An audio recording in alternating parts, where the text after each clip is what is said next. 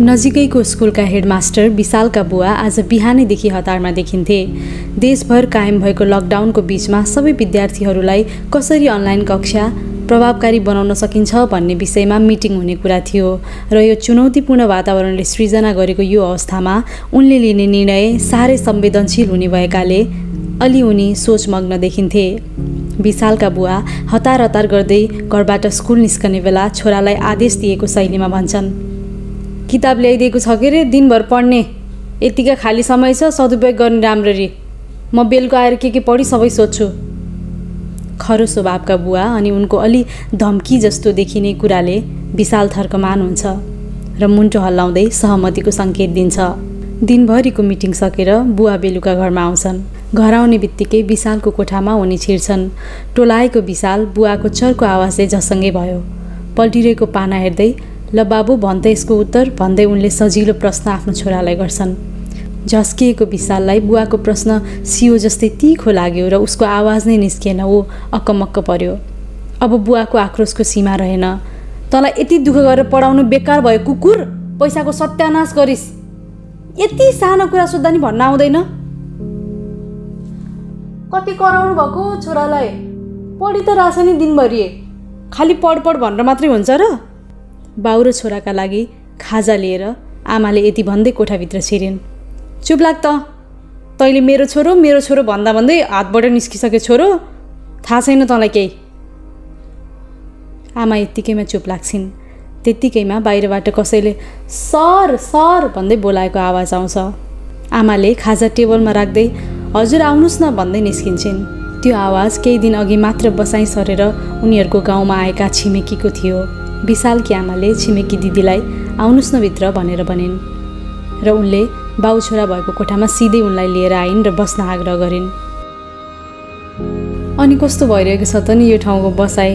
कस्तो मान्दै हुनुहुन्छ यो ठाउँ? विशालको बुवाले प्रश्न गरे। अब जहाँ बस्यो त्यही रमाइलो हुन्छ नि अब भर्खर आछौँ। राम्रै रमाइलै लागिरहेछ। अनि कति कामले पाल्नु भएको थियो पनि विशालकी आमाले भन्छन्। हेर्नुहोस् न नानीको पढाइ त पहिला उता स्कुलमा हुँदाखेरि राम्रै थियो। अब यहाँ आएपछि धेरै समय त भएको छैन आएको। अलि कस्तो पढाइमा मन नगरे जस्तो गर्छिन्। अब नयाँ ठाउँ नयाँ साथी नयाँ स्कुल भएर अलि एडजस्ट हुन नि गाह्रो भएको होला। त्यही भएर म त यसो अब छोरीलाई ट्युसन पढाउनु पऱ्यो भनेर सरको पनि भाग्यवश अब घर नजिकै छ। त्यही भएर यसो ट्युसनको गरिदिनुहुन्थ्यो कि भनेर आएको नि। छिमेकीको कुरा सकिन सक्दै विशालका बुवाले भन्छन् ओहो नानी त साह्रै पढ्न मन गर्छिन् जस्तो छ। मेरा साथीका छोराछोरी पनि सबै कति पढ्नमा ट्यालेन्ट छन् बोल्न पनि त्यस्तै सिपालु छन्। हेर्नु न हाम्रो बिहानदेखि पढ भनेर गएको अहिले सोद्धाखेरि घोसे मुन्टो लाउँछ। खालि घोसे मुन्टो लाउँछ बोल्नु सोल्नु छैन न पढाइमा ध्यान छ। अब घरमा आउने पाहुनलाई नमस्कार गर्नुपर्छ भनेर पनि सिकाउनुपर्छ यसलाई अझै पनि। ड्याम्म पड्काइदिउँ जस्तो। विशालका बाउको कुरामा असहमति जनाउँदै छिमेकीले भन्छन् अब पढ्ला नि अब किन त्यस्तो सोच्नुहुन्छ र अब पढ्छ नि बाबुले बिस्तारै। उनलाई के भन्नु न भन्नुहुन्छ त्यसैले उनी हाँसेको जस्तो गरेर बोल्छन् के को पढ्ने यसले? भविष्य अन्धकार हुनेवाला छ यसको त पढ्नु सड्नु छैन। कता हो कता हो कि ध्यान? खालि टोलाउँछ अझ अहिले त चार पाँच दिन भयो यति टोलाउँछ यति टोलाउँछ के गर्नु र? टाउको खाइसक्यो यसले त हाम्रो। बुवाले रिसाउँदै भन्छन्। छिमेकीले भन्छन् अब सबै बच्चा बच्चीको स्वभाव कहाँ एउटै हुन्छ त नि? अब फेरि हाम्रो सोच चाहिँ कस्तो हुने भने पढाइ राम्रो भयो भने बच्चाको भविष्य राम्रो हुने नत्र अब खत्तमै हुने भन्ने पनि त हुँदैन नि। अब उसलाई अरू अरू कुरामा इच्छा छ कि अरू अतिरिक्त क्रियाकलापमा कसैलाई अब चित्र बनाउन रहर हुन्छ कसैलाई पकाउन रहर हुन्छ कसैलाई गीत सङ्गीतमा रहर हुन्छ कसैलाई अब लेखन अब मा अरू मान्छेसँग धेरै नबोले पनि लेख्न गर्न कसैलाई मनपर्ने हुन्छ। यसरी अलि हप्काउने अरूसँग तुलना गर्न त अलि नहुने जस्तो कि केटाकेटीलाई। अलि मनोबल कमजोर हुन्छ कि जस्तो लाग्छ मलाई त यसो गर्दाखेरि। छिमेकीले एकै सासमा भन्छन् छिमेकीको कुरा विशालका बुवामा दुवैलाई तितो लाग्छ। उनीहरू केही बोल्दैनन्। ती छिमेकी दिदीले फेरि भन्न थाल्छिन् अब हजुर त टिचर जस्तो मान्छे थाहै होला अब मैले के भन्नु अब बुझिहाल्नु भएको छ नि। त्यही पनि अब देखेको कुरा भएर भनिहालेको। अचानकको पिर खुकुरीलाई के थाहा म्याडम तपाईँलाई? यति भन्दै विशालका बुवाले अँध्यारो मुख लगाए। आमाले पनि बुवासँगै सहमति जनाउँदै भनेन् अब यसलाई अरू केही पनि काम गर्न ला छैन। खाना यही टेबलमा ल्याइदिएछ पढ भने पढे हुन्थ्यो नि त यसले पनि। आमाको पनि असन्तुष्टि उनको अनुहारमा छरपष्टै देखिन्थ्यो। छिमेकी दिदीलाई अब म के बढी बोल्नु जस्तो त भइरहेकै थियो तैपनि उनले मन थाम्न सकिनन् र भनिन्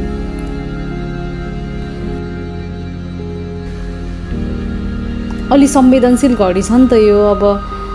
सबै कुरा हामीले भने जस्तो पनि हुँदैन। अब सबैको स्वभाव पनि फरक हुन्छ। हजुरहरूले याद गर्नुभएको छ होला नि आत्महत्या कति बढा छ अचेल। हो त नि म्याडम अचेल शून्य छ के अरे अब ती केटाकेटीले के दिमागमा चढ्छ हो? अचेलका केटाकेटीलाई सबै भने जस्तो पुऱ्याएकै हुन्छन्। त्यो मरिसकेपछि तिनका बाबामाले हो कति दुःख गरेर जन्मायो हुर्कायो। त्यही मर्ने भयो त बरु सानैमा पेटमै हुँदाखेरि मऱ्यो भइहाल्छ नि। म त रिस उठ्छ। मलाई त यो आत्महत्या गर्नेप्रति त केही पनि सहानुभूति छैन। विशालकी आमाले थप्सिन् अस्ति त्यो हाम्रो उता अलि पल्लो गाउँको एकजना केटाले पनि आत्महत्या गर्यो। उन्नाइस बिस वर्षको थियो भन्ने सुनिन्थ्यो। कस्तो भयो होला त्यसका बाआमालाई भरे।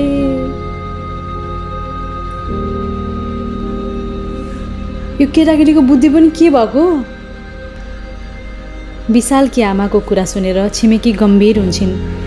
हो कि होइन म्याडम भन्नु त छोराछोरी त बाआमाको कुरा बुझ्ने दुःख सुख साट्ने बुढेसकालको सहारा भनेर किन जन्म दिइन्छ भन्नु न त्यही भएर त हो नि।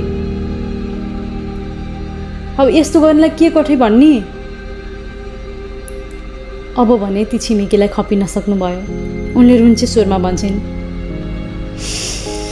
सधैँ छोराछोरी मात्रै गलत हुँदैनन्। आमा बाबुले पनि त आफ्नो छोराछोरीलाई बुझ्न पर्यो। के छ उनीहरूको मनमा? के चाहन्छन् उनीहरू? केमा रुचि छ? त्यो पनि त बुझ्न पर्यो नि। सधैँ छोराछोरी मात्रै गलत हुँदैनन् नि। आमा बाबुले पनि त आफ्नो छोराछोरीप्रति कस्तो व्यवहार गरेको छ त्यो निहाल्न जरुरी छ नि। विशालका बुवाले छिमेकीको कुरामा थप्छन्। तर अब त्यो अस्तिको मर्ने केटाको त परिवार पनि शिक्षित थियो अरे के अरे सबै उसलाई पुर्याएकै राम्रै थियो अरे के अरे के खान मर्न पर्या रहेछ कुन्नी त्यसलाई।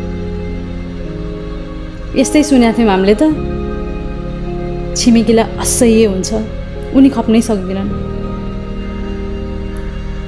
उनले भन्छन् छोराको गल्ती थिएन त्यसमा। जाने जसरी नै भन्नुभयो त चिन्नुहुन्छ क्या उसलाई? छिमेकी दिदीले टिलपिल आँखाभरि आँसु बनाउँदै भन्छन्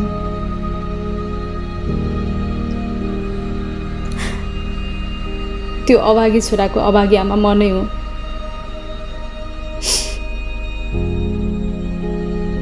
कथा यत्तिकै सकिन्छ।